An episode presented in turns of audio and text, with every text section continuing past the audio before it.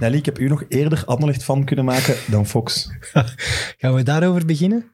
Ik stel voor dat we ermee beginnen. Oké, Shirtjesgate heb ik het genoemd. Shirtjesgate. Mijn vriendin was al in paniek, want een paar mensen hadden haar- al naar haar gestuurd. Zeg, Evert krijgt zoveel haat op Twitter, wat is daar aan de hand? Ik vraag me af, waart je maandag de meest gehate man op Twitter in België? Ik moet wel, ik, ben, ik was het zo beu. Echt, ik snapte het niet zo goed. Ik had een Anderlecht-truiken aangedaan, omdat Wesley Hoed ons had uitgenodigd om te komen kijken in een Anderlechtvak. En jij bent een goede vriend van mij, jij bent Anderlecht van. Goeie vriend. Voilà. Niet gewoon vriend, goeie vriend. En ik had ook graag gehad dat uw clubje ook eens een beker won. Dus ik dacht, ik ga die jongen wat steunen. Ik doe gewoon zonder na te denken een Anderlecht-truiken aan. Gewoon ook Ik gooi dat zonder na te denken op Twitter. Ja, maar dat vind ik ook helemaal niet erg. Maar jongens, al die fans. Alsof dat ik nog hoef te bewijzen dat ik een diehard KV Mechelen fan ben. Heel de wereld weet dat ondertussen toch al. Ik steek dat toch ook niet weg. En ik weet dat dat een, het is zo een erecode onder supporters om zo geen andere truikens aan te doen, maar ik volg die niet. Nee, Echt, je doet hier iedere week een ander shirt aan. Ik vind dat minder belangrijk. Ik vind dat juist cool. Ik, ik kan ook eerlijk zeggen dat ik een truiken van een andere ploeg mooi vind. Echt, Ja. ik heb daar geen enkel probleem mee. Dat maakt mij niet minder fan van Malinois, hoor. Maar geef toe, behalve de anticlimax op het einde, leuke dag wel, hè? Ja, echt superleuk. Ja, echt superleuk. En ik moet ook eerlijk zeggen, die fans van Anderlecht, die waren die hard. Ja, Dat was echt, dat was een serieuze harde kern, die, die echt liedjes, vuurwerk, was superveel sfeer. Ik was wel onder de indruk ook. Ja, Oh, die van Gent ook wel, hè? ja het was, Het was, was het echt... was gewoon leuk. Maar wel, de, de omkadering, hoe dat het georganiseerd werd, oeh, dat vond ik wel een schande. Hè, tegen dat wij dat stadion binnen waren, jong. Dat duurde twee uur. Maar bon, dat is blijkbaar al genoeg gezegd in andere podcasts. Ik ben zo door, door een poortje met een andere gegaan. Ja, jij hebt, zwaar duurde, hebt echt zwaar gefoefeld. dat duurde veel te lang, jongen. Ja. Ging niet anders. Eh, we hebben ook nog een primeur voor de mensen. Ik denk twee of drie weken geleden vroegen we met Friends of Sports is er nood aan nog een extra voetbalpodcast? en 80% van de mensen hebben daar in godsnaam ja op Ah, geantwoord. ik dacht nee. nee, nee, ja. 80% ja, dan is- het niet doen. Hè. 80% is voor. Ja. Dan hebben wij goed nieuws. Dus jij krijgt een nieuwe podcast. Ja, eindelijk. Krijg ik een echte voetbalpodcast. dus vanaf nu zondag, Ja. met de playoffs, starten wij met Café Eerste Klas. Een nieuwe voetbalpodcast over het Belgische voetbal. Ja, Dat is toch mooi? maar het is met een andere host. Ja, Joris Brijs gaat Dus hosten. uw vervanger in mid-mid wordt nu uw compagnon. Vriend van de show. En dus met elke playoff speeldag gaan wij een uitzending opnemen en kort en snelle meningen over het Belgisch voetbal online smijten. Oké, op het moment zelf. Ja, Dus je gaat samen met Fox elke playoff match bekijken. ja ik denk dat Fox mee aan tafel gaat zitten. Is dat eigenlijk een beetje uw, uw minares zoals 90 Minutes dat bij mij is? Ik, is wel ook ergens een beetje mijn natte droom, het Belgisch voetbal. Ik ben, een, ik ben een van de allergrootste fans van het Belgisch voetbal, van vierde provinciaal tot eerste klasse. Dus ik ben blij dat ik daar mijn ding kan gaan doen. MidMid, de voetbalpodcast van Friends of Sports en Play Sports. Dames en heren, welkom bij MidMid, de wekelijkse voetbalpodcast van Friends of Sports en Play Sports. Het is al even geleden, maar we hebben nog eens een makelaar in de studio. Welkom, Tom de Mul. Tom, hoe gaat het met u? Gaat prima. Ja? Zeker, ja, absoluut. Ik heb het al gezegd in de intro, eh, makelaar. Moet je dan nu op dit moment veel doen? We zijn midden april. Ja, het, is wel een, eh, een drukke periode in die zin. Veel dingen voorbereiden. En ehm, ja, voor ons, wij zijn sowieso geen eh, agentschap dat alleen maar werkt wanneer er transfers moeten gemaakt worden. Bedoel, wij zijn het hele jaar door eigenlijk altijd bezig. Ik zie dat meer... Ik vind makelaar ook altijd een, een dubbel woord. Ik zie het meer als... ehm, voetbalagent of eh, zaakwaarnemer. Omdat eh, uiteindelijk begeleid je carrières van spelers en wilt je carrières in goede banen leiden. En dat, is een fulltime job waar je elke dag eh, met je hart eh, mee, moet bezig zijn. En niet alleen in een transferperiode wakker worden. Dat is een filosofie waar ik totaal niet in geloof. Nee. Maar zijn, zijn er eigenlijk nog veel makelaars die zo enkel bij een transfer er nog bij komen? Ik heb het gevoel dat dat ook minder en minder is wel. Ik denk dat dat nog wel bestaat. Er zijn ook wel eh, ja, bijvoorbeeld makelaars of eh, agenten die alleen maar eh, voor clubs willen werken, die niet, niet te veel met, met spelers willen te maken hebben. Dat- bestaat, hè. Maar ik denk wel dat de, de goede agentschappen in België werken tegenwoordig wel anders. Hm. Denk wel. Je doet het niet alleen. Het is E-Group. Jullie zijn met een aantal, vermoed ik dan. Ja, klopt. Ja, ik heb eigenlijk eh, E-groep opgericht met eh ja, Yama Sharifi, met wie ik eh, gevoetbald heb in de jeugd eh, bij Ajax. En ondertussen zijn, eh, ja, zijn we toch al wel eh, met wat meer mensen. Ehm, onder andere Harry Lemmens, ex-voorzitter van Genk, Ah, wij- ja, ja. die werkt bij ons. Ja.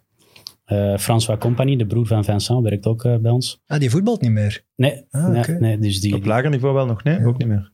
Eh, nee, nee, niet echt eigenlijk. Dus nee. En die werken echt als makelaar ook. Hij is meer begeleider nu. Hij is een beetje aan het, aan het, eh, aan het meelopen, aan het leren en eh, een beetje ja, da- daarmee bezig. En dan eh, hebben we nog iemand, eh, Yves Kabbe, ik denk dat jij hem ook goed Die kent. ken ik heel goed. Ja. Yves, Die- die, zalige mens. Ja, schitterende, schitterende man.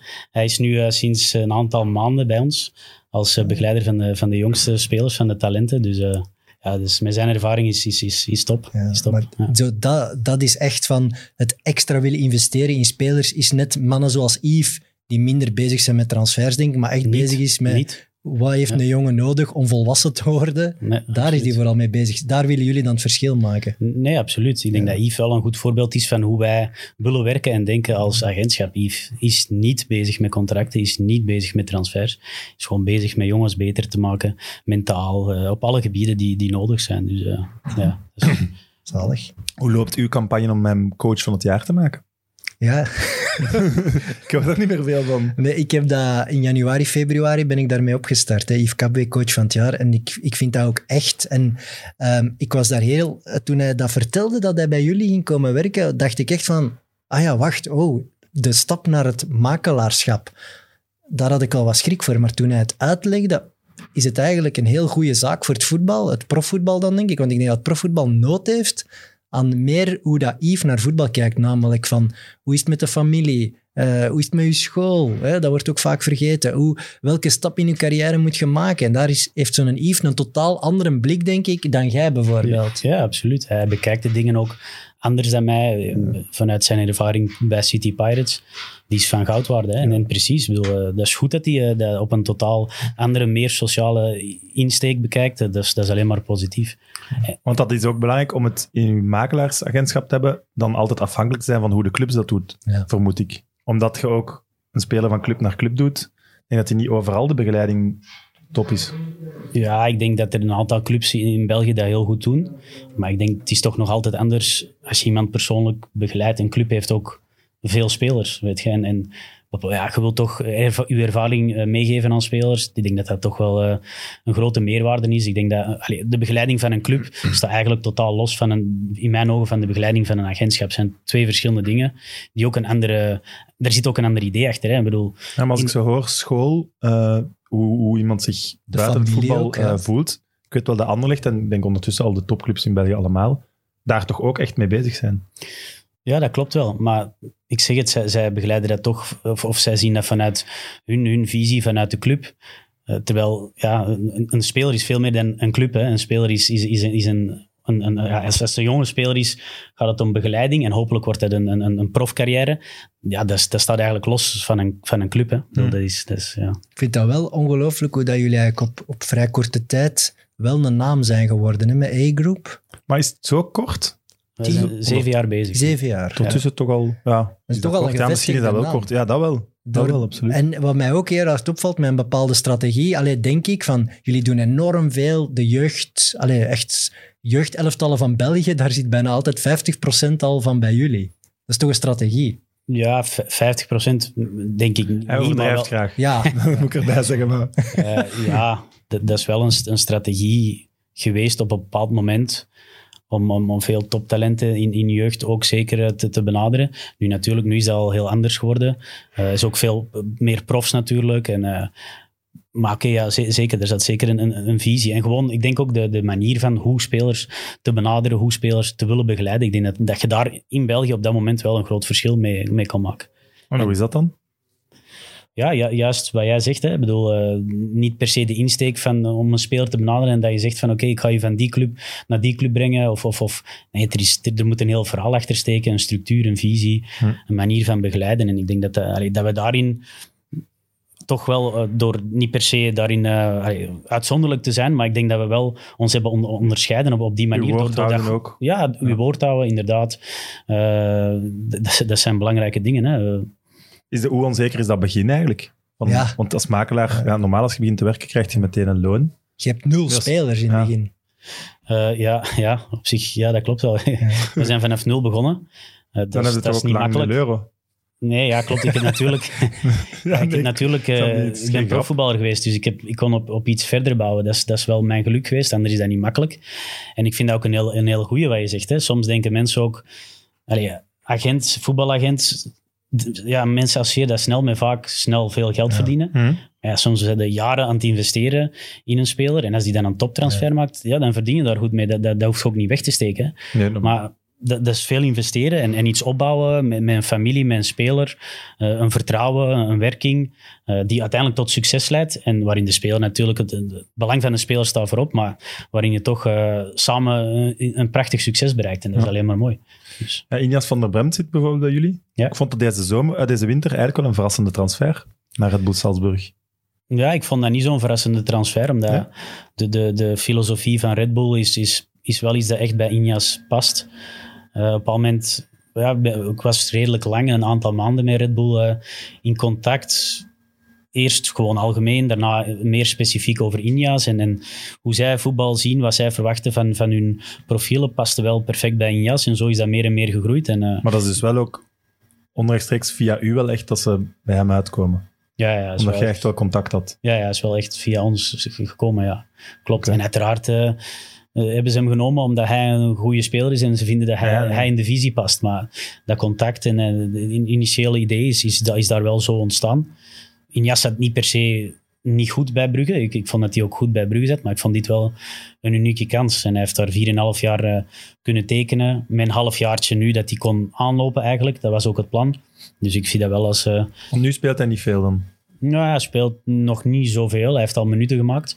Maar dat, was, dat wisten we op voorhand. Hè, dat het een half jaar Ah, was. geen gemakkelijke ploeg om u in te werken, denk ik. Hè? Alles Nee. ligt daar toch heel hard vast. Heel veel data, een, een plan op lange termijn, waardoor spelers daar vaak echt komen voor één positie. Ja. En die staan er dan ook in. Dus je moet er al iemand gaan uitspelen. Hè? Nee, dat klopt ook allemaal wel. Kijk, het, het eh, plan Ja. van Red Bull was ook... Ze hebben een rechtsbak die ze in principe deze zomer gingen verkopen Ah, of ja, gaan verkopen. ja, zo, ja. En ze hebben zoiets van, oké, we halen Injas nu. Heeft hij een half jaar tijd om te wennen.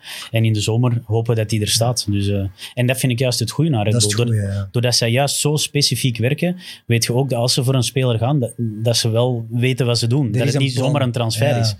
Er is een plan. Ja, er ze is hebben een niet plan. plots zeven rechtsachters, omdat ze vergeten waren dat ze er al zes hadden. Voilà, dus dat vind- nee, maar dat, vind, Ja. ja. maar dat is wel heel, dat is waar. Wij zegt, dat, is, dat is wel heel belangrijk. Voor, voor, zeker voor een speler van Injas die 20 jaar is. Hè, dan moet je, Ja, die zijn, moet nu echt de juiste keuzes maken. ja, toch wel. Wat me Dus- wel opviel is wat je daarnet zegt ook, dat Red Bull ook wel contact zoekt met u, gewoon als makelaar, om te weten hoe de markt in elkaar zit. Is dat dan van, zeg, we gaan nog eens naar de mul bellen, want die heeft wel dat type spelers dat wij zoeken. Werkt het ook zo? Ja, ik denk dat dat vaak op basis is van, van vertrouwen in die zin dat je probeert juist informatie door te geven als ze dat nodig hebben, zonder altijd per se te willen azen op een, op een transfer. Ik denk dat dat meer, zoals in, in het leven, hè, een, een relatie van vertrouwen, een relatie van professionaliteit die je opbouwt, waardoor je op een moment eh, daar ook wel de vruchten van plukt. Weet je. En, en oké, als dat een, een speler van onszelf is die, die past, ja, dat is helemaal eh, dat is het mooiste. Hè? Want dat netwerk opbouwen, dat kost toch ook tijd? Voordat Red Bull weet wie jij bent, dat je een agency hebt, dat je spelers hebt. Ja, ja, ja natuurlijk. Eh, daarom, veel, veel investeren. Eh, Een agentschap bouwt je niet van, eh, zo, van, eh, ja, van vandaag op morgen op. Dat, eh, dat, dat, dat kost veel tijd, energie, eh, veel investering. Maar het is, het is, ik, ik, vind het, eh, ik sta elke dag gelukkig op, want ik, eh, ik, ik, heb de, ja, ik heb het geluk om mijn geld te kunnen verdienen met voetbal. Dat is voor mij het, het mooiste wat er is. Dus, eh, dat is een- Ja. Wij ook. Ja. maar Ineens weet hem niet wat zeggen. nee, eh, hebben jullie eigenlijk iemand bij KV Mechelen zitten? Nee, op dit moment geen spelers bij KV Mechelen. nee. Omdat we niet genoeg talent hebben? Of? Toeval, toeval. Want ik vind oprecht eh, KV Mechelen een hele mooie club. En eh, die werken ook echt heel goed. Ze, ook- ze, ze merken- mikken ook op veel jonge Belgen, wat ik ook dat. echt super positief vind. Ja, Dus het kan wel dat er iemand uit uw portefeuille uiteindelijk wel eens bij ons belandt. ja absoluut. Zeker. Eh, echt wel. Dat is al een paar keer dat ze interesse hebben getoond in bepaalde spelers. Die is er toen niet van, niet van gekomen, maar het is echt een, echt een goede club voor, voor jonge spelers. Hij heeft geen geld, hè, KLUE. Nee, maar hij heeft ook veel jonge spelers. Hè? Dus het kan, met weinig geld kun je ook iets doen. Hè? Zwaar. Een van de grote jonge Belgische spelers, Charles de Ketelaar, zit ook bij jullie. Ja. Ik denk dat we mogen zeggen, ik denk dat Brugge daar ook mee akkoord is, dat deze zomer wel eens een transfer kan volgen. Moet je dan nu zoal wat clubs masseren of al wat contacten leggen, of is dat wel echt wachten? Nee, ja, de, de- we zijn er natuurlijk wel mee bezig. Ik, eh, ik denk dat Ch- Charles is de- nog een jaartje nu gebleven bij, bij Brugge, wat ik denk wel echt een goede keuze was. Ja. In die zin dat hij bepaalde stappen heeft gezet, ook, ook meer die centrale posities gaan spelen, waar hem echt wel het beste ligt. Hij heeft zich super ontwikkeld als spits, vind, vind ik persoonlijk ook. Eh, zijn rendement moest omhoog, dat wist hij zelf ook. Maar ja, dat heeft ook met de, dat hij op de, zijn beste positie speelt. Dat heeft allemaal met elkaar te maken. En dit jaar Is dat zijn beste positie, denk je? Ik denk de spits, tweede spits. Hij kan ook op, op 10. Ja. Hm. Ja, Hij heeft alleszins ook weer de etalage van de Champions League gehad. Hè? Amai. ja. Nee, nee, eh, er andere clubs geïnteresseerd zijn na zo'n jaar. Ja. Ja, ja, die Champions League is, is voor grote clubs wel heel belangrijk en doorslaggevend. Hè. Daar willen ze natuurlijk zien dat een speler kan presteren. Wat voor mij ook opvallend was, was toch bij de Rode Duivels dat ze hem echt wel zochten meteen. Hm. Eh, die, allee, ook door de grote spelers. Ja, dat begint meer en meer te komen. hè. Ik denk dat dat heeft natuurlijk altijd eh, tijd nodig om, om ook in de nationale ploeg eh, belangrijk eh, te worden en, en, en basisspeler te worden. Maar goed, eh, dat, dat, gaat wel, dat gaat wel goed Maar komen. die, die kijken ook Champions League. Hè? Ja, die, Zeker naar Belgische ploegen. die Dus- voelen op het veld of Hm. iemand het echt, echt kan of toch iemand die maar tijdelijk bij de Rode Duivels zit. En bij Charles heeft iedereen wel het gevoel dat hij een generational player kan zijn. hè. Ja, denk ik ook wel. Eh, Dat voelt je als speler toch ook wel snel. En zeker spelers van dat niveau, dat, dat, eh, dat, ja, dat er gewoon iets in zit en dat een speler is met heel veel, eh, heel veel kwaliteit. Maar toch blijft dat heel gek, vind ik, Charles de Ketelaere. Want ik volg nu heel veel voetbal en ja, die komt toch plots uit het niks. Dit is niet, bij, bij Anderlecht zitten er altijd een paar jeugdspelers waar dat je drie jaar op voorhand al van weet, hey, dat is eh, geniaal, dit, dat. Bij, bij hem wist ik eigenlijk van niks. Maar wel snel. Heel Dus- snel. Ja. Ja. Snel en heel constant. Ja. En Dat, dat is, dat is echt, ja, vind ik heel uitzonderlijk aan hem. En dat, is, ook, ja, dat is ook heel knap van hem. Hè. Maar kon je dat jonge op zijn speler. 15 ook al zeggen? Nee, nee. Dus ik vond Charles altijd goed. Goed. Ja. Maar ik, ik had Maar ook niet niet zo buitensporig goed. Ja, ik vind op die leeftijd is sowieso ook moeilijk te zeggen. Hè. En het is waar, wat je zegt, soms maken ze van spelers al vroeg heel veel. Bonida.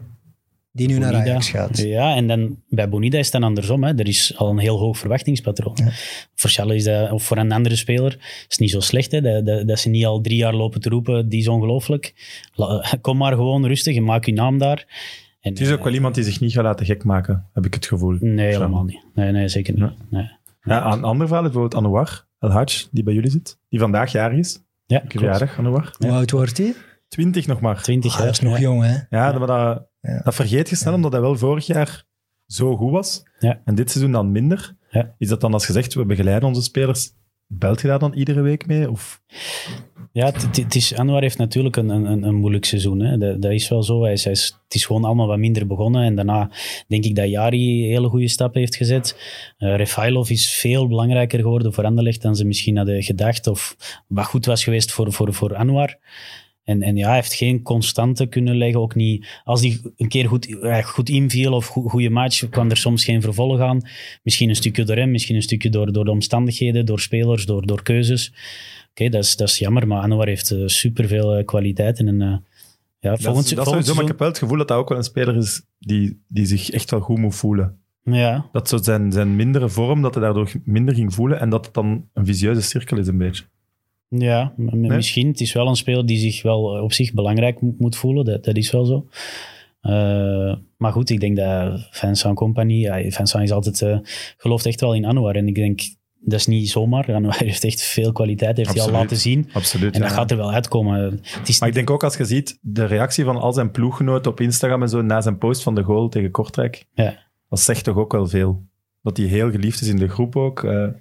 Nee, absoluut. En uiteindelijk is, om, om dan Charles en Anwar, Charles heeft in één keer al kunnen doorzetten zonder eigenlijk een echte diep. Het is niet zo gek hè, dat een jonge speler na een topjaar eh, een iets minder jaar heeft om daarna terug er te staan. En dat, dat denk ik ook dat het traject zal, zal zijn voor, voor Anwar. En het, het grote verschil is ook dat eh, de ketelaren, hij heeft het nu wel heel vaak gedaan, beslissend geweest voor club.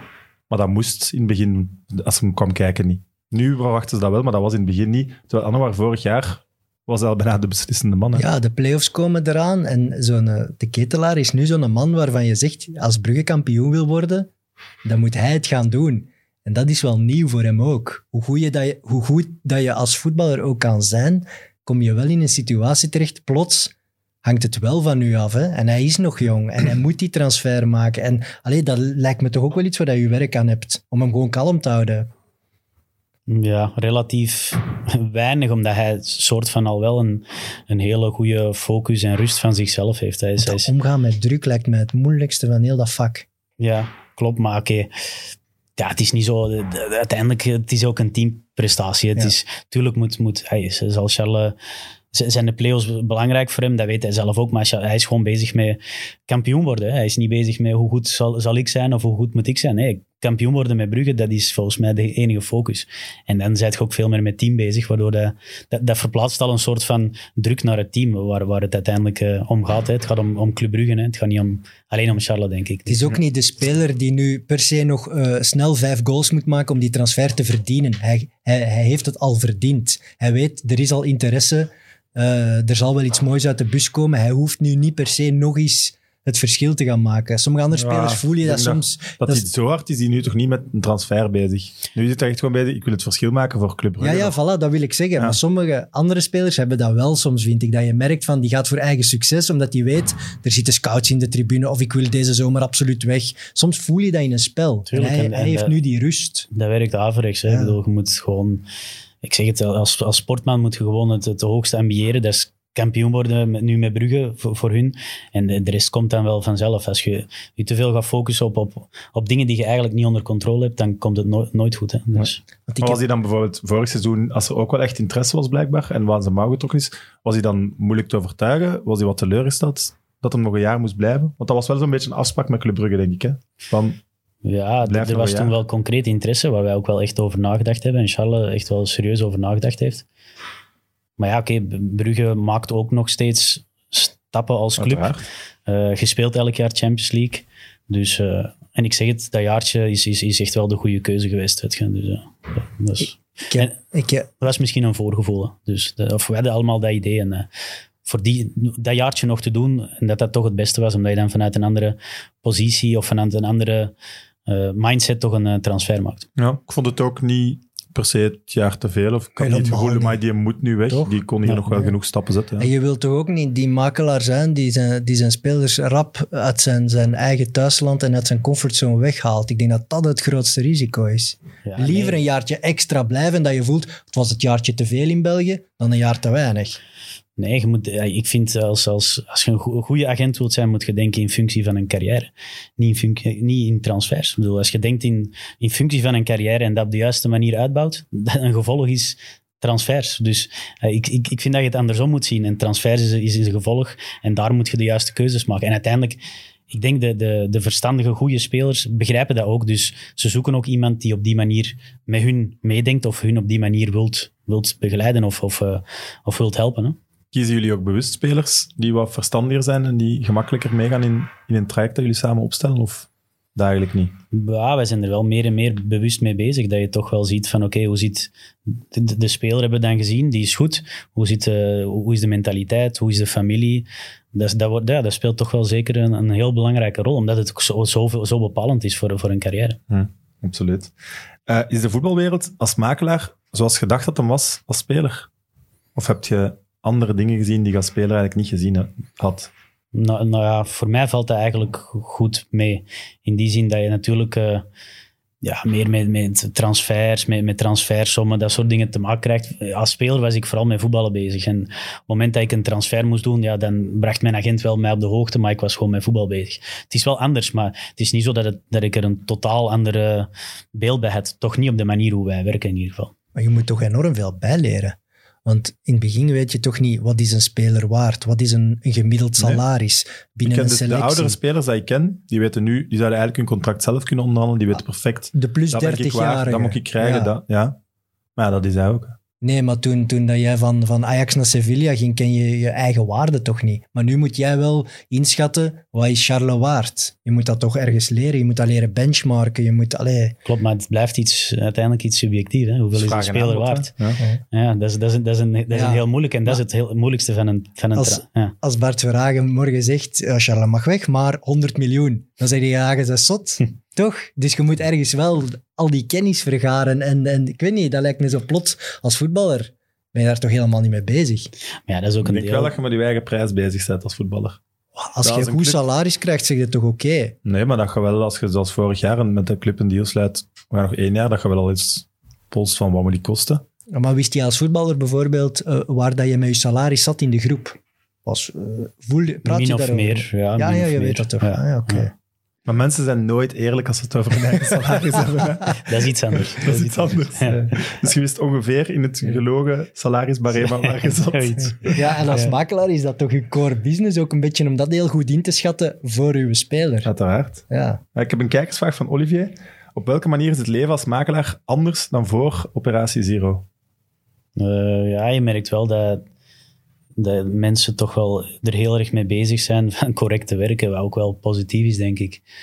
Eh, Dat is wel voor goed. mij heeft dat niet zoveel veranderd. Ah, want In ik kan net zin- zeggen, dat horen we vaker. Het valt mee met... valt goed mee. Ja. Er is natuurlijk wel eh, een redelijk negatieve perceptie ontstaan over eh, ons beroep, dat wel. Ehm, maar ik zeg het, daar hebben we eigenlijk ook niet heel veel last van, denk ik. Ja. Er is niet heel veel veranderd, maar op zich is... Misschien was dat ook wel ergens... Misschien moest dat ook gebeuren of zo. Of- misschien of zijn een aantal rotte appels er gewoon uit. En Ja, goed, ik kan er ook niet over oordelen wie wat gedaan heeft. Dus eh, ja, Maar daar is ben je toch, je bent er toch, ja, je bent er toch blij mee. Dat, dat mensen die het in je job verkeerd aanpakken, dat die dan toch eindelijk eens eh, met hun gat, eh, hun gat verbranden.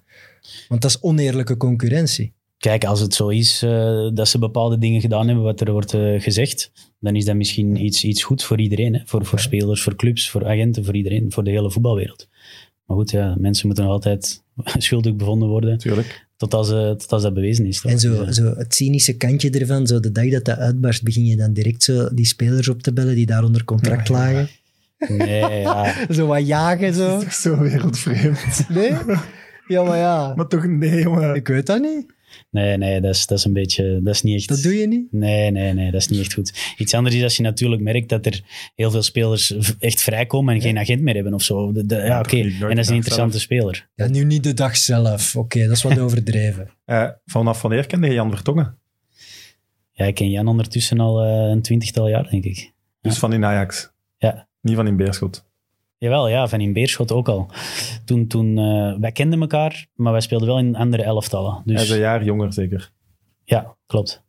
Is dat moeilijk, eh, zo voor een vriend werken? Nee, eigenlijk niet. Nee? Nee, dat is... Dat, dat, bij de transfer naar Benfica van, van Jan, dat, dat was een super trots gevoel. Eh, Dat is echt mooi. Ja. Het feit van voor, voor een speler, maar vooral ook voor een, voor een vriend, toch een hele mooie transfer eh, te, te realiseren was, was ja, heel, heel speciaal. Maar ik vermoed dat er toch wel andere type gesprekken zijn als je als makelaar of als vriend spreekt. Ja, maar ik denk dat wij daar redelijk goed het onderscheid maken tussen eh, eh, zakelijk en wat is vriendschappelijk uiteindelijk. Ik denk dat dat, dat, dat, dat, dat goed werkt. Ja. Ja. We hadden het eh, in de voorberei- voorbereiding nog over een filmpje dat jullie op Instagram gezet hadden. Die E-groep Instagram. Ja, De recap van maart. Ah, ja, tuurlijk. Ja. ja, Op training doet je weer iets ongelooflijk met die goal. ja, ja, Jan eh, is zo, heel technisch. Hè? Ja, ja. Eh, mensen verwachten vaak niet. eh, maar hij is, eh, Op training zeker, want ik herinner me ook een filmpje van bij Ajax. Bij de training dat hij zo een bal wegduwt en dan zo tik-tik toch Ja. nog binnen tikt. ja, ja, Jan heeft eh, ook veel gevoetbald vroeger op straat en zo. Hè? Dus, eh, en je zou het niet verwachten, hij is groot, verdediger, maar eh, hij kan soms met specia- speciale dingen komen. hè. Maar hij is eigenlijk ook al als middenvelder Hij, erdoor gekomen een beetje. hij heeft lang Ja. op de zes gestaan, toch? Ja, hij heeft bij Ajax in de jeugd op, op 6 en 8 gespeeld. Daarna is hij ook wel op 4, maar mm, ja, veel middenveld. Hm. En, en daarna is hij toch echt puur meer centraal verdediger geworden. De, bij Ajax doorgebroken echt wel als 4 en daarna alleen maar centraal verdediger. Echt, hè. in de Premier League en zo echt wel. Ja, Mm. Ja, echt, daar echt centraal verdediger. Tuurlijk. En Zo'n, Eh, ja, ik wou nog zo'n transfer naar Benfica was, was ook heel veel hoop dat hij dan toch terug naar Ajax zou gegaan zijn. Speelde dat? Ja, er was wel wat contact met Ajax toen. Eh, ja, op de een of andere manier is dat toch nooit helemaal 100% Maar Tagliafico geworden. speelde toen alles en Blind speelde zo Ja. Daly was daar toen ook. Ja. Dus Ajax stonden wel interesse. Maar ja, oké, Jan had natuurlijk ook wel, wou ook wel... Jan wou ook wel iets, iets anders. Hè. Hij wou ook wel een soort van meer iets eh, in, in een wat Zuiders land. Ah, en, en er was ook wel Inter, eh, Napoli. Maar dat was dan twee jaar contract, wat voor hem ook iets heel belangrijk was. Drie jaar stabiliteit. Eh, Benfica die elk jaar voor, voor, voor de prijzen speelt. En, en ja, dat was toch... Zalige stad ook, hè? Lissabon, ja, pracht- vind ik prachtige wel. stad. Ja, Ja. echt Oké. wel. Napoli ook hoor. Dat weet ik niet, daar ben ik nog niet geweest. Maar Nee. Maar Na- Napoli is toch zo wat het goede en het slechte bij elkaar. terwijl Lissabon is wel Als een- voetballer denk ik dat je daar een heel, een heel schoon leven... Ik denk ook wel redelijk vergelijkbaar misschien. de voetbalcultuur in Lissabon. Ja, je hebt daar die grote clubs bij elkaar zitten. Ik denk dat Ja. elke Portugees daar een keuze heeft van een van, een van die twee clubs. Ja, maar dat is mooie aan Napels, hè. Daar is dan niet. Daar is iedereen In het zuiden voor van. Italië is Ja, oké. iedereen voor Napels, hè, want het is Ja, alleen Klopt. Napoli. Maar komt, komt zo Vertongen in, in het centrum van Lissabon en dan zo een van Sporting Lissabon, hey, ga ze vuile verhaler. Eh, nee, dat valt mee, maar mensen spreken hem natuurlijk veel aan, maar op een heel respectvolle manier, vind ik. hè. Echt wel. Ja. Eh, hoe kwam je zelf bij Ajax terecht? Ooit bij, bij Beerschot, hè, bij, bij GBA was dat toen nog, eh, gevoetbald in de jeugd. En eh, toen was er nog een samenwerking met Ajax. En zowat de beste talenten zijn toen naar Ajax gegaan. Oké, in een gastgezin. In een gastgezin hier gaan wonen. Ja, was eh, serieus. Ja, was wel moeilijk. Ja. Ik was 15, ja, dan weg van thuis. Dat was wel, eh, was wel moeilijk, ja. Maar uw ouders, moeilijk ook om je los te laten? Of? Ja, mijn vader vond dat wel, eh, denk ik, leuk. Ah, dat ik mijn, vader? Ik zou denken dat de moeder mijn moeder vond dat super moeilijk, Ja, ja, 100%. zo, en mijn vader vond dat ergens wel ook wel heel leuk dat ik mijn dromen achterna ging, dat ik dat durfde die stap te zetten. Ander land, andere toch cultuur, eh, andere vo- vo- voetbal. eh, toch niet zo'n grote uitdaging op die leeftijd. Ja, dat was. eh, Ja, ik- Kiest Ajax dan zo het gastgezin? Of doen jullie zo'n tour van vier, vijf gastgezinnen? En mocht jij dan beste selectie. Ja, zo lijkt dat je bij een huis... Ja, ik ben al eens bij een aantal die een transfer maken mee mogen gaan. En dan gaan die echt op één dag Ah, vier, vijf huizen kiezen. En een week later woon die daar ook al en zo. Allee, dat, is, nee, klopt wel. dat is echt vooruit, hè. Ik dat gaat die snel. wereld niet goed, hè. je hebt toch je hebt mogen kiezen. Jij bent meer voor de basket. Kijk, ze stellen, voor, ze, stellen voor, ze stellen voor. Als jij je er echt niet goed bij voelt, mogen je natuurlijk zeggen: ik wil liever een, een ander gezin. Ah, oké. Dat kan wel. Of, maar ik, ik denk dat ik was wel gewoon bij het gezin gegaan waar ik de eerste keer was. Er waren ja, gewoon goede mensen die, die, die het goed met, mij- met, met mij voor hadden. Dus eh, Heb je daar nu nog contact mee? Ja, de, de man is, is overleden. En eh, met, de, met die vrouw heb ik af en toe nog wel eens contact. Ja. Maar ik weet eh, van Toby Alderwereld heeft het hier toch ook gezegd dat hij nog heel nauw contact had en dat hij elke keer als hij kon, dat hij zelfs in Amsterdam nog langs ging en zo. En allee, Ja, die had ja. er echt, echt een warm gevoel bij. Ja, Maar we hebben hier Bram Verbiest gehad en die was dan liever op internaat. toen had ik corona. maar je, komt van, je bent van Capelle, hè? Ja. Dat is wel van een dorp naar een wereldstad. Ja, ja, dat, was, toch- dat was wel een grote stap. Hè? Ja. Dus niet alleen op voetbalgebied. Want te veel eisentijd in, in de jeugdopleiding van Ajax is, is, is echt hoog. Maar ook op, eh, op, op schoolgebied, op alles was dat wel een, een grote stap. In het begin eh, was ik ook... eh dat was moeilijk. Ik, ik speelde niet goed in het begin. Alles een beetje samen. Maar na een tijdje begin daar te wennen. En eh, heb ik mijn draai daar wel gevonden. Want ik vind dat je wel meer een, een Belgische mentaliteit uitstraalt dan een Nederlandse mentaliteit. Los van het voetbal zijn, hè? Ik denk een beetje van alles. Hè. Ik heb, eh, denk dat dat goed is om een beetje... Ik heb in Nederland gewoond, in Spanje gewoond, België gewoond. Dat is altijd... eh, in uw leven is het niet slecht om, om op verschillende manieren van leven, culturen te zien. Ik denk dat je van alles wel iets eh, kan leren en dat alles wel iets bijbrengt. Maar, eh, als je zo helemaal naar, naar Ajax trekt om dan op training te voelen van poeh, dat moet toch zuur zijn in het dat was een zotte ploeg, hè? Dat was Snijder en Van der Vaart, het begin. To- toen ik in het eerst kwam, was, was Sneijder, Van der Vaart, Slatan, eh, Maxwell, was, was echt een topploeg. Eh, dat is echt top. misschien wel een van de beste Meteen kampioen ook. In het Ja. jaar waar je twee, drie matches speelt, denk ik. Ja, twee denk ik. Ik was 17, twee, drie wedstrijden. Ja, ja was, was top. Was gewoon top. Maar Heel, dat heel moet als. Quizvraag voor Evert. Ah, quizvraag, dat heb ik graag. Ja. Eh, vijf Belgen speelden toen bij Ajax. Vijf Ja, klopt. in de A-kern.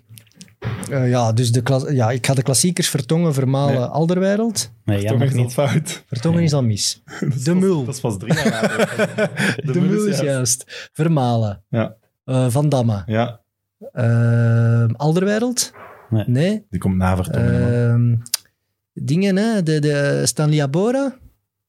Ehm Bram ik Verbiest. denk Ja, dat Bor nee. al weg was. Eh, Ah, Sonk Sonk Ja, en. Soetaars. en Soetaars. Ja, klopt. Amai. Mooi. Toch Ja. geraden. Voilà. Ja, ik was het Even even kijkersvraag vergeten. van Mike. Sonk heeft hier, Wesley heeft er eens gezegd dat op training wel altijd België-Nederland was. Ja, ja klopt. Ja. Was dat? Maar Wesley zei ook dat we altijd dat we wonnen, toch? Ja, dat is... Omdat ze ruzie maakt. Ja, dat, dat weet ik niet zeker. Dus je durft ook niet zeggen dat het niet was. Ja, ik, ik weet het niet zeker. La- la- laat Wes daar maar eh, over oordelen. Is goed. Wel goed. Maar lijkt me zot dat je van Van der Vaart en Snijder en zo kan winnen. In Zeker een, in zo'n 5 tegen 5. een klein positiespel. ja, hij zei vooral dat ze veel ruzie maakt onderling. Ja, dus dat daar- kan wel. daar hebben wij misschien van geprofiteerd. Dat Dat is kan. misschien wel waar. Ja, kan wel. Na die twee jaar Ajax nog niet, breekt je niet echt door. Geen volwaardige basisspeler. Vraagt je dan zelf om verhuurd te worden? Of zegt Ajax zelf van, We gaan nu even... Ja, dat kwam een beetje zo uit. Ik, ik, ik had eh, op een bepaald moment wel redelijk wat wedstrijden gespeeld. Toen terug een beetje uit beeld. En ik moest wel echt gewoon een soort van elke week wel gaan spelen, profvoetbal. En ik wou dat zelf wel. Nou, ik heb toen de voorbereiding meegedaan met de eerste van Ajax. En ik zag van, oké, ik ga hier niet elke week spelen. Dus toen was een jaartje verhuur, zowel langs mijn kant als langs de club zijn kant, de juiste Dan piste. je een beetje makelaar van je eigen al. Ja, ik had toen een agent natuurlijk. Dat is meer een gevoel hè, als speler. Ik vind ook een speler moet daar ook zelf een gevoel bij hebben. Hè. Ik ga, als, als makelaar of als agent ga ik niet zeggen dit en dat. Een speler moet daar zelf een gevoel bij hebben hè, om verhuurd te worden. Anders ga je, dat heeft geen zin. Ja, klopt. Dat is zoals een, een transfer of als een, een- de, de laatste keuze moet, moet een, spe- een speler altijd maken. Ja, op dat moment zeg je wel 20 jaar. Begint je aan jezelf te twijfelen. Als je in de jeugd, Ajax, ja, weet Tom de Mul ook echt, wordt aanzien als een groot talent. Twijfelt je aan jezelf om die stap terug te zetten? Of Niet per se twijfel, maar ik, had wel, ik was wel altijd een, een, in de jeugd in die mate een, een heel groot talent dat, ik, dat het altijd wel makkelijk, relatief makkelijk gegaan was. Ik, ik speelde altijd veel boven mijn leeftijd bij Ajax, 17, eerste ploeg, ze- 17, eh, denk ik eerste Champions League wedstrijd tegen Juventus. Dus dat was altijd wel snel en relatief makkelijk, met veel werk natuurlijk, maar toch. En dan komen daar teleurstellingen bij, waar ik te weinig mee had leren omgaan, denk ik. Ik denk dat dat wel iets was eh, en en daar, daar heeft mij wel die diep bezorgd, die, die, die, waar we het er straks misschien hadden over hadden. En op een bepaald moment eh, heb ik mij gewoon teruggeknokt. En, maar dat was gewoon, eh, er waren gewoon spelers op mijn positie. Ajax is ook een grote club. Dus Ja, ik had dat gewoon nodig als ervaring. Ja. Ja. Zoals Thomas Vermalen dat heeft gedaan. En zoals Jan dat bijvoorbeeld zelf ook heeft gedaan. een jaartje hè? RKC. Allemaal. Dat is Ja. ook wel opvallend, Ja, toch? klopt. ja, van Damme niet, denk ik. Maar dat zal de enigste zijn. En Alderweireld ook niet. Toby ook niet, denk ik. Nee. nee. Volgde Ajax dan eigenlijk alles goed op? Of Ja, werd je wel gewoon een jaar maar rust gelaten? Ze volgden dat wel op. Ja. Ja, toch wel. Ik speelde natuurlijk ook in de Eredivisie. Dat is natuurlijk Ja. altijd makkelijker. En je speelde En- wel echt bijna alles, hè? Ja, dat wel. En, en ik denk dat ze ook wel... Er was ook wel echt een idee dat ik... Daarna, dat was gewoon een jaartje ervaring om daarna terug bij Ajax om basisspeler te worden. Dat was ook het idee. Hè. Er is nog een verschil tussen, een club die een speler verhuurt om hem soort van ja, in de picture te zetten, om daarna te Ja, verkopen, ja. of een speler die je verhuurt om ervaring te laten opdoen waar dat je zelf in gelooft. Dat zijn twee, dat zijn twee verschillende dingen. Want wie stond er dan op uw positie bij Ajax Rosales of zo? Of, eh, Ja, Rosales, eh, Daniel de Rieder ook een tijdje. ja, ja. Van der Meijden. Van der Meijden was, al, al weg. was al weg. Ja. Ik heb nog een kijkersvraag van Jens. Hoe was het om de kleedkamer te delen met Theo Jansen? Theo Jansen was een hele goede speler. Dat sowieso. Ja, Maar toch ook een opvallend figuur in een kleedkamer. Opvallend of figuur, maar geen slechte man. Wel een goede Nee, man. nee, nee. Heel, heel direct, eh, heel hard, eh, 100% zichzelf.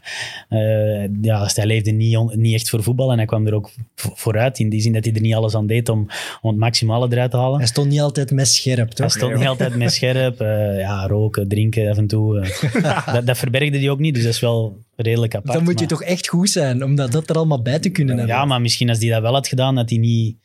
Had hij misschien eh, bij, in- ja, in de Nog Premier League of ja. Primera Division gespeeld. Die had Lijkt echt kwaliteit. geen twijfel over eigenlijk. Nee. Als je ziet wat dat hij nog allemaal wel bereikt heeft. Ja, met roken en de drinken. nationale ploeg, Ajax, eh, ja, oké, ja, oké, best wel wat eigenlijk. Maar inderdaad, Ja. nooit in het buitenland echt, hè, de grote. Nee, ja, maar is hij heeft, Genk. heeft Genk gehad, maar die had mee echt zwaar. Even, ja. Ja, Theo Jansen had een uitzonderlijke traptechniek. Hè. Ja. Ik heb toch wel een mooie in, veel goede clubs veel goede spelers gezien, maar die traptechniek heb ik weinig gezien. Die hij had. Was echt, Was hij daar dan de baas, zo, bij Vitesse? ja, Vitesse was echt zijn club. Ja. Dat- dat- toch wel. En dat was ook waarschijnlijk, dat gaf hem ook een goed gevoel. Hè. Hij wou misschien ook heel belangrijk zijn voor, voor een team. Ja, en, en een soort van altijd het gevoel te hebben dat, dat hij toch wel, of dat hij speelde, hè. Dat, dat gevoel van, ja oké, ik ben hier de man. Zo Als ik simpel is hem nu op tv zie, ja, ik zie hem graag bezig. Ja, Zo'n hem figuur ook die fantastisch. altijd Omdat je, wat je rechtuit. zegt wel, hij is ook echt een goede gast. Dat merk je ook. altijd met de glimlach Open ook. en ja. gewoon een goede gast. Maar hij is nu ook jeugdtrainer, hè? Ja, ja, ja, klopt. Ja. Ik ben eens benieuwd wat dat zo'n jeugdtrainer dan zeggen als ze daar iemand een sigaretje rookt of staat te drinken. Ja. Dat ze zelf altijd gedaan hebben. Ik zie mij nu, in u ook niet meteen de persoon... Jij bent toch geen roker en geen drinker in zo'n kleedkamer, dus jij staat daar toch wat van op een afstandje naar te kijken. Van, oh, Ja, nee, ik was altijd wel echt professioneel met mijn sport bezig. Ja, Denk je dan niet van, wie is die gast? Ja, dat is, te- ja, dat is zijn keuze dan, denkt hij op dat of moment. omdat hij zo goed is? Ja, dat. daarom. Hij was wel belangrijk voor, voor de ploeg hè, bij Vitesse. Ja. Kijk, Hij had zoveel kwaliteiten dat hij ook op die manier ja, voor het Vitesse super belangrijk was. Tuurlijk. Wat ik, mijn, Ik heb nog een ik quizvraag. Ah, oké. ja. Zes Belgen Huh? dat seizoen bij Vitesse. Bij Vitesse? Zes, ja. En jij- Tom jij- dat dat jij dat knikt ja. allemaal Zes dat? is wel veel, ja. Het zijn er zes. Ja, bon. Of ik ben mis. Allee, of Wikipedia is mis geweest. Ja, ja, ja, Zes. oké. Zes. Ja, ik weet er ene. Allee, ik weet er Ja, twee. Tom de Mul. Ja. Ja, de Mul en Stijn Vreven. Ja. Dat weet ik. Ja. Maar ja, sommige zijn ook iets moeilijker. Ja. Onur. Kaya, Ja. Oh, Kaya, juist. Siebe Blondel, Ja. Tim de Meersman. Ja. De. Meersman kende ik bijvoorbeeld niet. Nou ja, die was... eh, nee, klopt, die kwam uit... Eén match gespeeld. Hij. Siebe Blondella, ja. Eh, en we hebben nog... nog een tip. Een tip. Positie. Initialen zijn GS. Gilles Swerts. Gilles Swerts, tuurlijk. Ja, Ja, ja, Voilà. klopt. Zijn ze Oh. alle zes? Daar gaat hem niet blij mee zijn dat ik hem vergeten is. Want Gilles is top, top, eh, topgast. Was, was heel goed. eh, ik vond echt een goede speler ook. Absoluut. Maar dan waren jij een rechterflank met Stijn Vreven in uw rug. Ja. Maar, Koninklijk toch? Ja, die, had, die had wel drive, ja. ja, daar kan ik me wel iets bij voorstellen. We zeiden al, eh, Ajax verhuurt aan Vitesse met wel vooruitzicht om terug in de eerste ploeg te komen. Belt dan, ik denk dat Koeman was uw trainer dan? Of ten Kate? Ja, ik heb toen... Ik heb Ronald Koeman ook gehad, eh, bij, maar was meer in mijn periode daarvoor bij, bij Ajax. En daarna was eh, Henk ten Katen. En belt u dan om wel aan in de voorbereiding te zeggen, jij wordt echt vol met een... Nee, dat was meer... Ja, dat was meer dat ik terug de voorbereiding ben begonnen bij Ajax. Want je En daarin- dat seizoen wel heel veel, hè? Ja, daarin moest ik mij gewoon bewijzen, want Rosales was er ook nog altijd. Die hadden ze toen eh, gehaald van, eh, ja, na, na een goede prestatie op de Olympische Spelen voor een, ik weet niet, aantal miljoen. Dus dat was, ik moest daar wel tegen, met, ja, tegen vechten, tegen die concurrentie. Maar dat was wel gelukt. Ik ben toen wel eh, basisspeler geworden. Want toen kwam er ook een legendarische middenvelder terug naar Ajax. Edgar David. Ja, Hoe was die? Is Ja, die zoals de perceptie over hem is? Ook een hevig bazeke? Ja die is wel hevig. Hè. Dat is ook eh, toch een deel van zijn, zijn kwaliteiten, zijn drive, zijn agressie. Dat wel. Maar ja, hij, wou wel, hij wou wel de jonge sp- spelers helpen. En toch Hij was wel, ook echt wel al in de herfst van zijn carrière natuurlijk. Ja, dat wel. Dat wel. Ja. dat, dat wel. Ja. eh, Ja. Tegenover Jaap Stam bijvoorbeeld, die, die er ook was. Jaap was wel echt nog altijd echt top, vond ik. En daar, daar heb ik ook wel heel veel van, eh, van geleerd. Veel, veel van opgestoken. In de zin van super professioneel ermee bezig zijn. En Ja, super professioneel ermee bezig zijn, wat je er allemaal voor moet doen, eh, op welke manier. eh, ja, de ervaring uit zijn carrière die hij deelde, manier van omgaan. Echt, echt leider in, in mijn ogen, zonder dat hij dat geforceerd wou brengen. Ik vond dat, ik vond dat echt top. Dat is een van de mensen die ik onthoud uit mijn carrière als, als, als enorm positief. Want die brak wel door bij PSV Ja, eerst. ja, ja, ja. Ja, ja van- ik denk van PSV naar Manchester United. Ja. Ja. Of, Of- Lazio. Milan, Ja, dat of ook nog. Lazio, United, Milan. Nee, Ja. Milan- eerst Man United en dan Lazio en Milan, denk ik. En nu coachen? Maar ja, toch niet zo gemakkelijk. Hè? Maar als, ben ik te zwaar onder de indruk om dat zot te vinden dat je met die mannen in een ploeg Dat is echt zot? Nee. Dat was deels nog de ploeg die we daarnet opnoemden. Ja. En dan kwamen die daar nog even bij. Ja, Want zo'n Davids, dat was toch een alleskunner? Dat was toch, ja. potentieel was toch gigantisch bij die mens? ja, Davids was toen ook eh, in, in Barcelona. Toen was Barcelona ook top. Hè. Toen, toen was hij ook basisspeler. Heel belangrijk, Nederland zelf al. Ja, Eh, David is zo wat gaan redden, hè? Zat, Ja, zat die Barcelona niet zo zes in maanden- en dan zo op zes maanden. Op zes maanden heeft Ja, hij die terug naar boven Ja. gebracht. Speelde die met dat brilletje dan bij u? Ja, kon niet anders. Hè. Dat is toch speciaal? Dat is wel het grootste zilverseizoen dat je kunt spelen. Hè? ja toch wel. Toch wel. Ja. Kent je dat verhaal? Is dat met doelsaldo? Ja. Dat? Is dat dat Het jaar? doelsaldo verloren, ja. De, de Ah. titel, dat was echt pijnlijk. Voor de mensen die het niet weten, de voorlaatste speel, nee, de laatste speeldag begint. Beginnen jullie aan kop, denk ik. AZ, PSV Ja, en jullie hebben evenveel punten. En PSV is zelfs het slechtste doelpuntensaldo. ja, klopt. En jullie winnen, PSV wint, AZ wint niet. En PSV toch kampioen. PSV, ja, dat was pijnlijk. Wij wonnen wel de beker toen, dat wel. Dat was wel een, eh, AZ verloor echt alles. Want, nee, volgens mij stond AZ eerste. Dus voor hun was dat nog moeilijker, omdat zij en de titel verloren en de finale van de beker van ons. Dus dat was voor ons nog een, een mooie troost. Maar ja, oké, ja, op die manier de titel verliezen, dat is, dat is wel frustrerend. Goh, ik herinner mij dat nu ineens, dat dat doelpuntensaldo was. En Maar was dat winnen met... jullie de beker of verliezen jullie de beker? Nee, we winnen de beker. Ja? Ja. En dan ook nog het playoff toernooi winnen jullie ook tegen AZ. Ja, klopt. Ja, dat is waar. Ja, dus klopt. dan is het voor AZ misschien nog een meer Ja. zilver seizoen. Ja, Ja, was dat AZ met, met, met Moussa Moussa, Dembele, ja. Maarten Moussa Martens. scoort in de finale ook, denk ik. ja, ja, ja Moussa wel. Ja, klopt. Maarten, inderdaad. Voilà. Het is een hot topic. Je hebt in de bekerfinale een penalty gescoord. Is penalty een loterij of niet? Zijn penalties een loterij of niet? Ja, ja het is, het is een combinatie met ja, hoe om te gaan met druk. Ik denk dat dat misschien wel 80 of 90 procent is. En dan natuurlijk ook wel een stukje techniek, hoe, hoe dat je het doet, denk ik. Ja.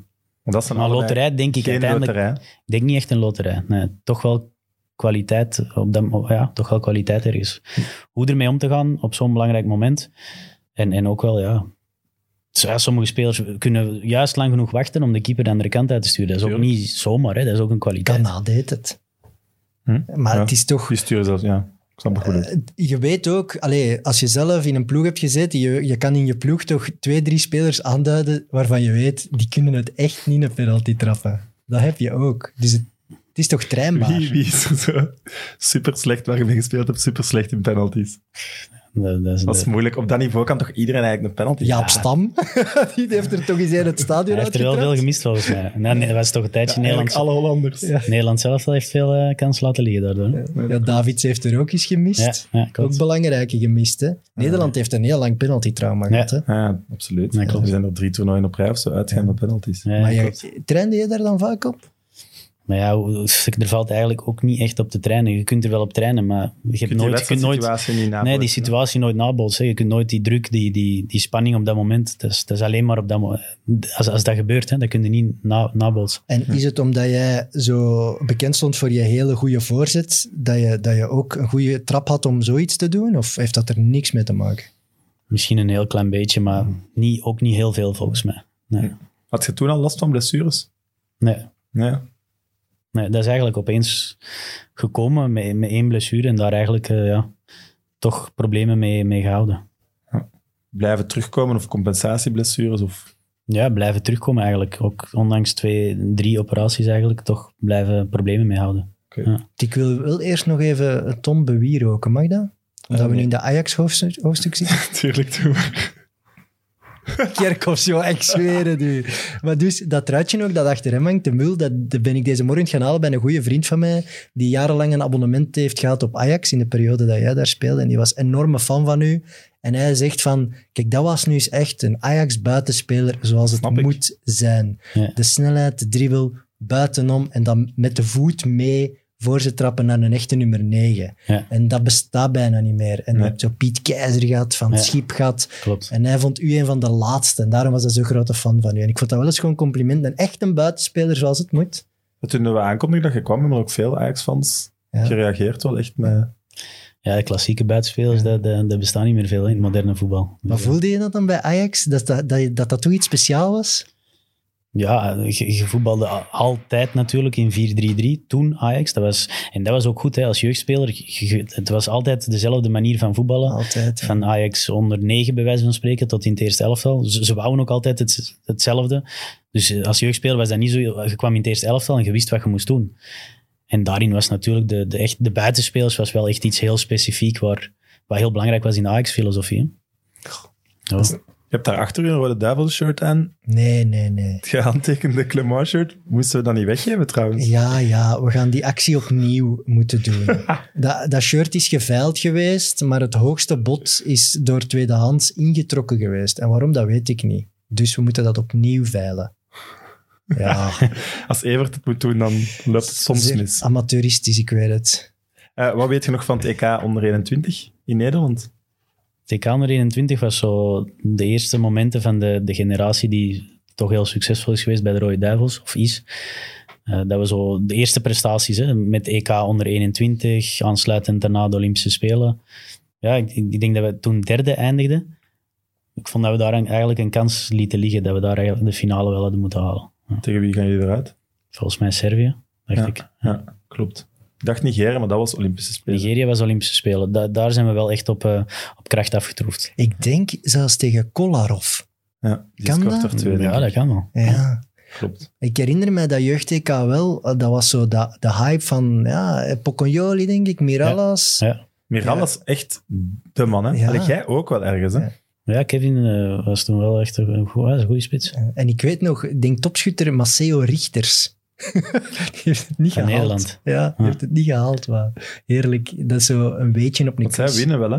Ja, En is door dat U21-toernooi ging je naar de Olympische Spelen. Ja, Ja. klopt. Hoe zijn Olympische Spelen? Daar ben ik altijd zo benieuwd naar. Als voetballer dan. Ja, uniek. Gewoon eh, de, de combinatie van verschillende sporten vond ik ook wel heel mooi. Dat niet alleen om voetbal draaide, maar ja, wij zaten daar in de Olympisch dorp. Michael Phelps wint daar eh 7, 8, ik weet niet, gouden medailles.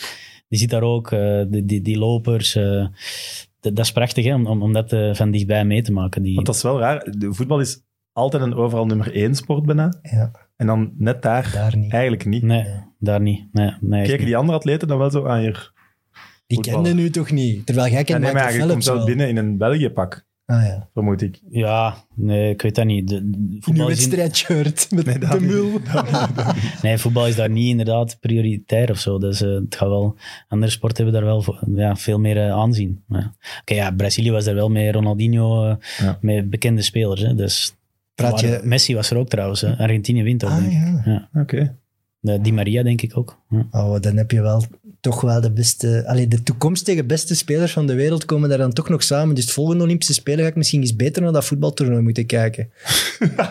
Nee, maar dat omdat, een vaststelling? toen met de Belgen hebben we dat keihard gevolgd. Ik herinner me nog die knotsgekke match waarin Dembele zo'n chique goal Ja, maakt tegen Italië. Italië. Italië was... Dat weet ik nog. Ik denk dat heel België toen keek. Maar de laatste Spelen heb ik niet naar het voetbaltoernooi gezien. Nee, En zo maar Philips daar en waren we zo, niet bij. Spreek je die dan aan? Of, ik weet niet, vraag je een foto? Of, of Nee, nee, niet echt. Maar ik vond dat wel toch Ja, indrukwekkend? super indrukwekkend. En ook als sportman, dat kun je alleen maar eh, Amai. ja, bewonderen wat, wat zo iemand eh, pre- presteert en ervoor moet doen. Hè. Ik denk dat zwemmers, dat, eh, wat zij ervoor moeten doen, dat dat wel eh, Dat is nog, iets anders is. ja. Ja. Maar ga je dan tussen uw matchen wel zo naar sport kijken? Ik denk dat die uh. Hellebout volgens mij heeft daar een medaille gewonnen ook. Ja, dat Toen zaten wij wel in, in het stadion. Er was ook wel... uh, Usain? Bolt was daar volgens mij ook toen, eh, ja, voor de, de 100 of 400 meter, eh, weet ik niet. Dus eh, ja, dat maakte wel allemaal mee. Dat is, En Ja. krijgen jullie mee hoe dat hier leefde in België? Jullie prestaties dan ook? ja, maar niet, niet genoeg. Of, of als ik dan zo hoor van, van jullie, dat, dat iedereen dat echt volgde, Italië. Ik herinner me dat, ja. Ik zat toen op strand en iedereen was erover bezig. Ik herinner me dat moment zo nog. Maar dat was misschien ook omdat de eerste ploeg van de nationale ploeg gewoon niet, niet goed presteerde Ah, nee. toen. Nee, dat was ineens... Dus dat was ook eh, iets waar de mensen zich aan optrokken van oké, er is wel goede jeugd die aan het opkomen is. Eh, voilà, wij verloren van Huppel de Pup. En ineens op, de, op de Olympische Spelen Goeie winnen wij, ploeg, winnen wij van Italië. Ja. Goeie ploeg. Nee, maar dat was ook eh, die filmpjes in de lift met, ik denk Van den Boren en Fellaini, die echt Ja. zo, ja... Dat was, dat was een ploeg met sfeer. Dat was natuurlijk een ploeg waar ik als fan goesting van kreeg. Ja, dat klopt wel. Dat was een heel goede te- teamsfeer en eh, iedereen die wel voor elkaar vocht. En, kijk, als sportman de Olympische Spelen meemaken en daarom komen ook de beste spelers. Je wilt dat ook wel meemaken. Ja. Dat snap ik. Ja. Heb je zo'n tattoo? Veel van die Olympiërs hebben zo de ringen getatoeëerd. Helaas. Zou jij dat Ik niet doen? Ik zou dat echt meteen doen, denk ik. Ah, wel hè. Dat is nu toch iets waar je nooit van je leven Nee. spijt van gaat hebben van de tattoo van de Olympische Spelen, want je bent Dus- een Olympiër. Ik, ik, ik heb altijd anti-tattoo geweest. En nu dat mijn zoon geboren is, denk ik daar toch over na. En als ik ooit op de Olympische Spelen kom, dan zet ik dat ook. Maar dat laatste wordt zeer moeilijk, denk Oké, maar volgende weddenschap is nu een tattoo. Dat heb je nu wel gezegd, hè? Maar ik, ben, ik, ik heb het ook al bij mijn vrouw een beetje warm gemaakt. Dus binnenkort een tweede kind. Heb jij een tattoo? Sorry? heb jij een tattoo? Ik heb geen tattoos. Alle Nee. voetballers hebben een tattoo. Niet allemaal, hè. Maar- Nog een belangrijk moment op de Olympische Spelen. Jij zet een panna bij Ronaldinho. Ik weet nu niet, is dat, is dat heiligschennis? Is dat, Dat was het allerhoogste. dat is misschien ja, Ja. is dat het allerhoogste? Was het per ongeluk of was het expres? Of, ja, dat was wel wel expres, ja. En hij, hij vond het wel eh, nog grappig ook, dus dat was wel... en denkt je dan de eerste minuten daarna als de bal weg is en shit, nu moet ik mijn benen wel dicht houden. Want die gaat terugkomen. Ik, ik heb volgens mij zelf ook een panna gekregen van Marcelo toen, dus ik heb hem wel terug gehad. niet van Ronaldinho zelf, dat niet, maar eh, nee. En hoe weet je dat hij het wel leuk vond? Hij reageerde, of? Ja, ja hij, hij- lachte en, eh, en ik, volgens mij lag ik op de grond, hij maakte een fout en hij, hij, hij helpte mij om, om recht te komen. Dus, eh, ja. Respect. Echt wel. Ja, dat vind ik wel mooi. Ja, hij moet ook mooi. respect tonen, vind ik. Want hij is diegene die waarschijnlijk honderdduizenden matige verdedigers belachelijk heeft gemaakt. Dus als er dan toch eens iemand het bij hem kan doen. Maar dat, dat moet toch... Heb je daar truitje van gevraagd dan of zo? Ja, ik heb toen geruild met Marcelo, omdat hij mijn rechtstreekse tegenstander was. En, Dat eh, moet wel een duel geweest zijn. ja, ja, dat was een goede, goede linksback, maar die was wel, Klein die was wel heeft veel... alles gewonnen wat er te winnen Wat valt, wel goed was om tegen hem te spelen, is dat hij veel met aanvallen bezig was. Dus hij Ja. liet veel ruimtes in zijn rug.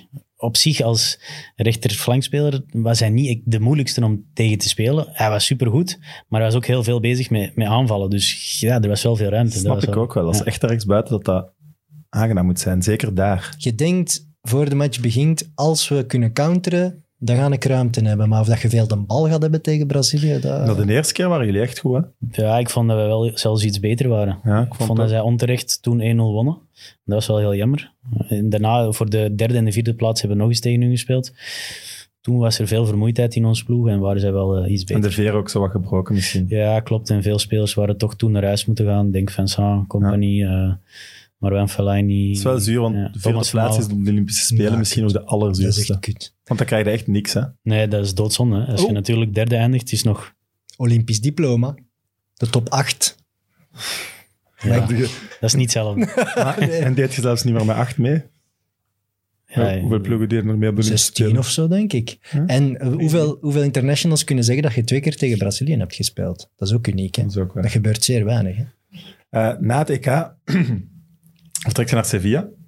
Achteraf gezien spijt van de keuze? Of Nee, zeker niet. Ik denk, eh, kijk, dat is, ik heb natuurlijk. Bij Sevilla is een dubbel gevoel in die zin dat ik niet 100% daar ben kunnen doorbreken. Maar dat natuurlijk ook met, met blessures te maken. Ja, kijk, als ik nu een, een, een- als ik het dan van een ander als agent bekijk, zou ik een speler wel aanraden om nog een jaartje te blijven. Dat was ook wat bijvoorbeeld Henk ten Katen zei tegen mij: blijf nog een jaar en wacht op een absolute topclub. Eh, Sevilla is een, een, top, een heel mooie club, maar het kan nog zo hoger. hoog? En je hebt dat jaar veel over hoe hoog ze u toen inschatten. ja, ik denk dat wel. Toen. Absoluut. En hij zei van, eh, je, je hebt dat ook nog nodig, zei hij, in je ontwikkeling. En daar, dat was ook wel zo. Dus in, in Dat die zin zou ik... een toptalent bij een topploeg in een kleinere competitie, zeker twee jaar Ja, ik- spelen op het hoogste niveau. Ik vind het altijd moeilijk om daar zo een, een precies te zeggen van twee jaar, één, twee, drie jaar. Je moet gewoon het gevoel hebben dat een speler er, er op alle gebieden klaar voor is. Weet je? En dat was ik misschien toen op dat moment niet. Waardoor het eerste jaar in Sevilla ook heel moeilijk was. Wat wel een heel belangrijk jaar is. Het tweede jaar heb ik veel meer ge- gespeeld. Hm. En daarna heb ik wel veel ja, blessures gehad. Weet je? Hm. Dus eh, ik heb er geen spijt van. Het is een echt een echt prachtige club. Sevilla is, is een van de mooiste clubs van Europa, denk Ja, ik. Qua sfeer, absoluut. qua... Maar ze hadden net twee keer de Europa League ook gewonnen, Ja. als jij er naartoe gaat. Hè? Ja. En eh Monchi is toen eh, bij ons ook geweest. eh, in, in, in, ja, dat was toen wel in Nederland. Om, om echt, het is de sportief directeur van Sevilla. Om echt alles uit te leggen. Ze wou wel, wel echt graag. Ik kon ook naar Atletico Madrid. Ik kon ook naar Rusland. Dat, wou dat was voor mij totaal geen optie. Dus ja, en, en Sevilla was toen inderdaad, zoals je zegt, twee keer Europa League winnaar.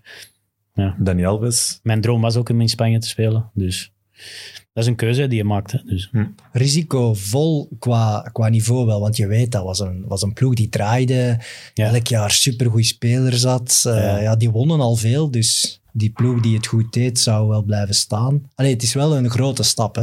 Ja, ja, was wel een grote stap. En ik zeg het, misschien had ik ook in mijn ontwikkeling nog dat jaartje nodig had. Want ik denk dat dat wel belangrijk is. Het is moeilijk om, een- om precies te zeggen, je hebt een jonge speler, heeft twee, drie, vier jaar nodig.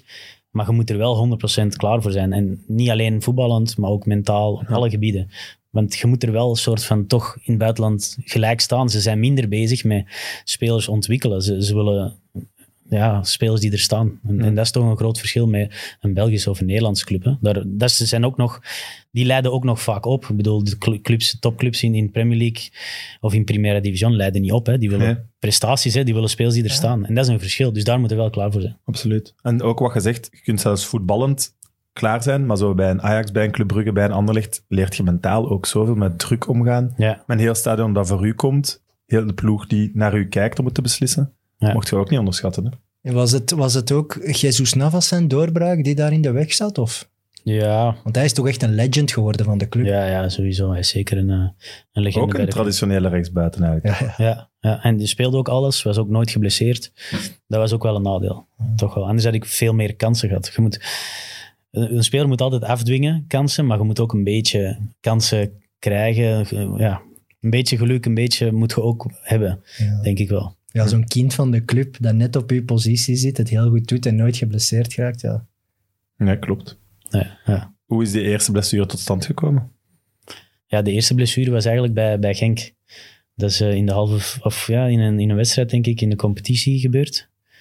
Ja, toen, eh, en toen dacht ik ook van, ja, dat was een, dat was een spierscheur eigenlijk. Maar ja, dat heeft eh, nadien toch veel, veel gevolgen gehad, wat ik nooit had gedacht. En wat is dat dan verkeerd behandeld of pure pech? Of... Nee, niet per se. Eh, ja, ook eh, toch een probleem ook met mijn, met mijn heup, lies, alles een beetje dat toch terugkwam. Dan geopereerd, toch terug hervallen, nog eens geopereerd, toch terug hervallen elke keer, waardoor alles toch ook wel zwakker werd. Uiteindelijk moet ook ja, belast zijn tegen tegen topsport elke dag opnieuw en, en, elke drie dagen een wedstrijd. En dat was, ik weet niet, dat was moeilijk geworden. En die blessure of die heup en die lies, dat, dat, was, ja, dat kon dat niet meer echt aan. Dus, Je moet het geluk hebben om geboren te zijn met een lichaam dat dat aan kan. ja, ik wou net zeggen, met uw lichaam had, had uw carrière er anders kunnen uitzien, of eigenlijk niet? Ja, kijk, het is natuurlijk wel zo dat ze nu veel meer preventief werken, wat denk ik wel heel positief is. Ik denk dat alles wel veel meer geëvolueerd is. Dus dat proberen wij bijvoorbeeld met onze spelers wel te, te, te bereiken, dat ze zich optimaal voorbereiden om blessures te voorkomen. Op dat moment was het nog meer een blessure behandelen wanneer ze er is.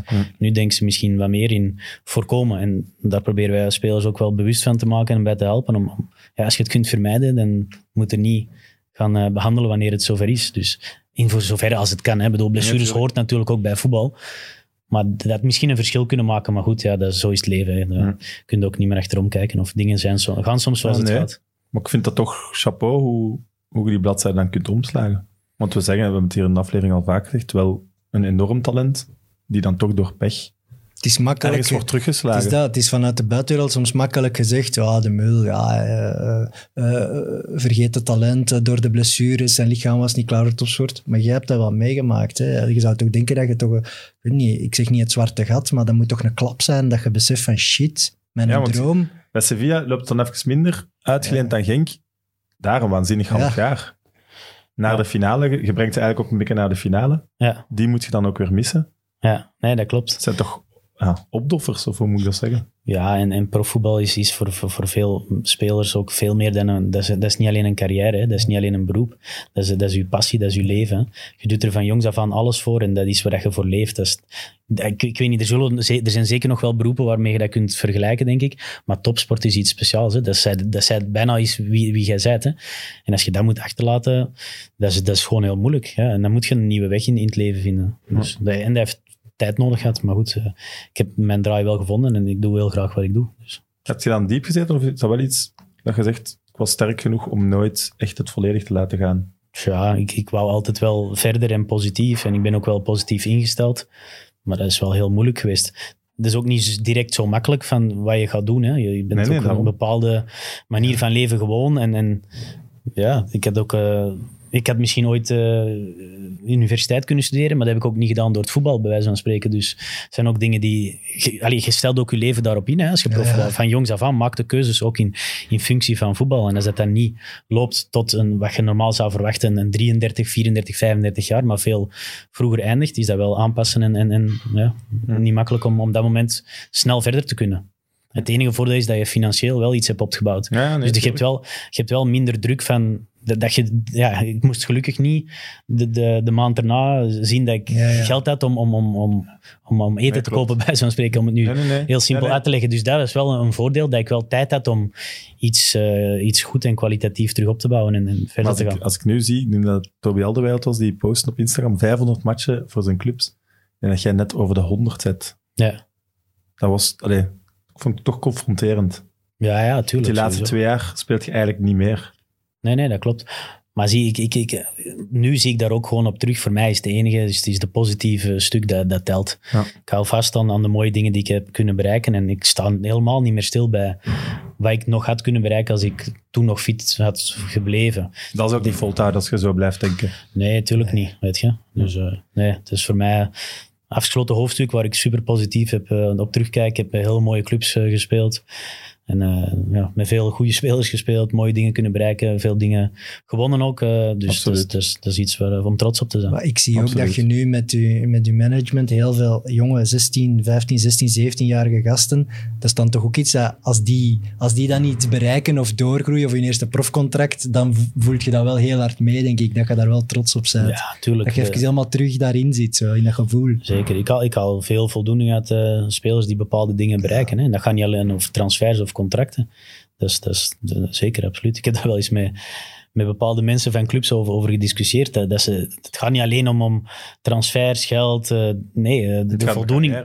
Ja, tuurlijk. De voldoening zit hem in, in, in eh, wat je bereikt met, met een speler. En oké, ja, uiteraard moet je daar eh, je brood mee verdienen. Dat is, dat, is, dat, is, dat is waar. Maar ik denk dat je het verder moet zien dan dat. En, en daar, daar haalt je de voldoening uit. Weet je? Dus als iemand slaagt bij een club, de, de- de- zijn debuut maakt, eh, een mooie transfer maakt, dat is, dat is, dat is, dat is prachtig. Hè? Het enige wat ik nog wel weten is, je werd ook uitgeleend aan Standaard. Ja. op het einde dan, zeg maar. Ja. Daar speelt je geen enkele match. Waart je dan al geblesseerd als je aankwam? Of bleef je erbij sukkelen? Ja, ik heb toen de voorbereiding met Sevilla volledig meegedaan eigenlijk. Dus fit. Ik dacht dat dat eh, goed was, ja. anders zou ik dat ook niet hebben gedaan. Dus, eh, en toen, ja, toen ik bij Standaard ben gekomen, is dat toch volledig terug misgegaan. Ik heb, Ja. ja. Af en toe, kijk, dat is, dat is als je lang, langdurig geblesseerd bent, je voelt wel af en toe iets. Hè. Maar ja, je hebt ook zoiets van, je zet ook door, snap je? Dus ik dacht zoiets van, dat gaat hier wel lukken. En een pijn moet er soms ook wat uitslijten. Maar ja, oké, op een moment ging dat totaal niet meer. Dus Maar ik vind dat dat wel raar, dat Sevilla je niet terugroept. ja, Nee? Ja, dat weet ik niet. Daar is, ik weet niet of daarover gesproken Ik is. Maar ik was als ik een club-eigenaar zou zijn, een speler van mij is uitgeleend, die blesseert zich lang of het lukt niet, ik zou zeggen, kom terug. Meer wat vinger aan de pols houden, maar Ja, maar ja, goed. eh, was ik was ook niet fit op dat moment, dus dat was voor hun misschien ook niet... niet ja, ik was ook geen speler die ze wouden inzetten, hè, dus... Nee, Ja. klopt. Kan je Mon- Monchi nu nog bellen? Ja, ja, zeker. Ik heb heel Komt veel- nog van passen.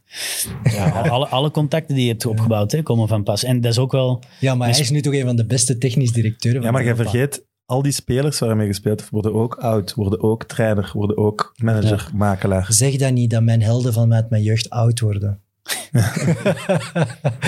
Nee, en dat blijven ook de leukste eh, contacten met wie dat je gespeeld hebt. Als die eh, terugkomen in, in, in het voetbal, in een functie. Dat is, dat is altijd eh, ja, dat is, dat is leuk, leuk werk. Voilà.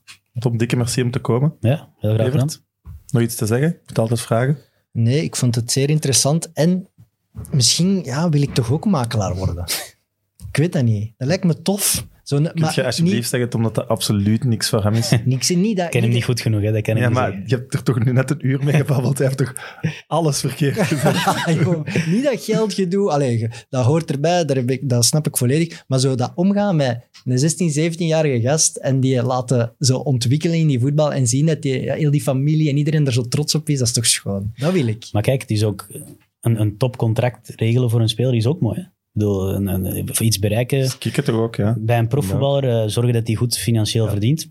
Dat hoort ook bij je job. Hè? Dus, en dat is ook mooi als je dat bereikt. Dat hoort er ook bij een voetbalcarrière. Hè? Zeker denk Daar ik is ook niks mis mee. Zeker denk ik bij jongens, en vaak in het voetbalmilieu, jongens die van een sociaal-economische moeilijke eh, kant komen en die dan zo het leven van hun familie verbeteren. Of- Dat vind ik wel altijd een schoon moment. Het is een verdoken sollicitatiegesprek. ik weet niet of je het door hebt, maar- Ik eh, samen met Yves op pad. Ja, die zou wel een goed team zijn. Met al alle grote contracten binnen. Dat is niet taak. Goed, we hebben, we hebben al een gast voor volgende week. Oeh. Maar we mogen het nog niet zeggen. Oké. Het is weer een special guest. En de Anderlecht-fans gaan tevreden zijn. Maar daarna moeten we ook wel moeten fair zijn. Daarna, tot dit seizoen, dan geen Anderlecht-man Oké, meer. dat is goed. En aan Play Sports, we hebben dringend een nieuw contract nodig. Want dit is, we zitten met vliegen in de studio. We hebben dus een vliegenvanger. En we gaan die hier een week laten staan. Dus tot volgende week bij de nieuwe opname. En je moet raden hoeveel vliegen daarin gaan zitten. Als je dat juist hebt, krijg je het een shirt. Oké. Goed? Aan de kijkers en luisteraars, tot volgende week. Bye. Mit Mit, de voetbalpodcast van Friends of Sports en Play Sports.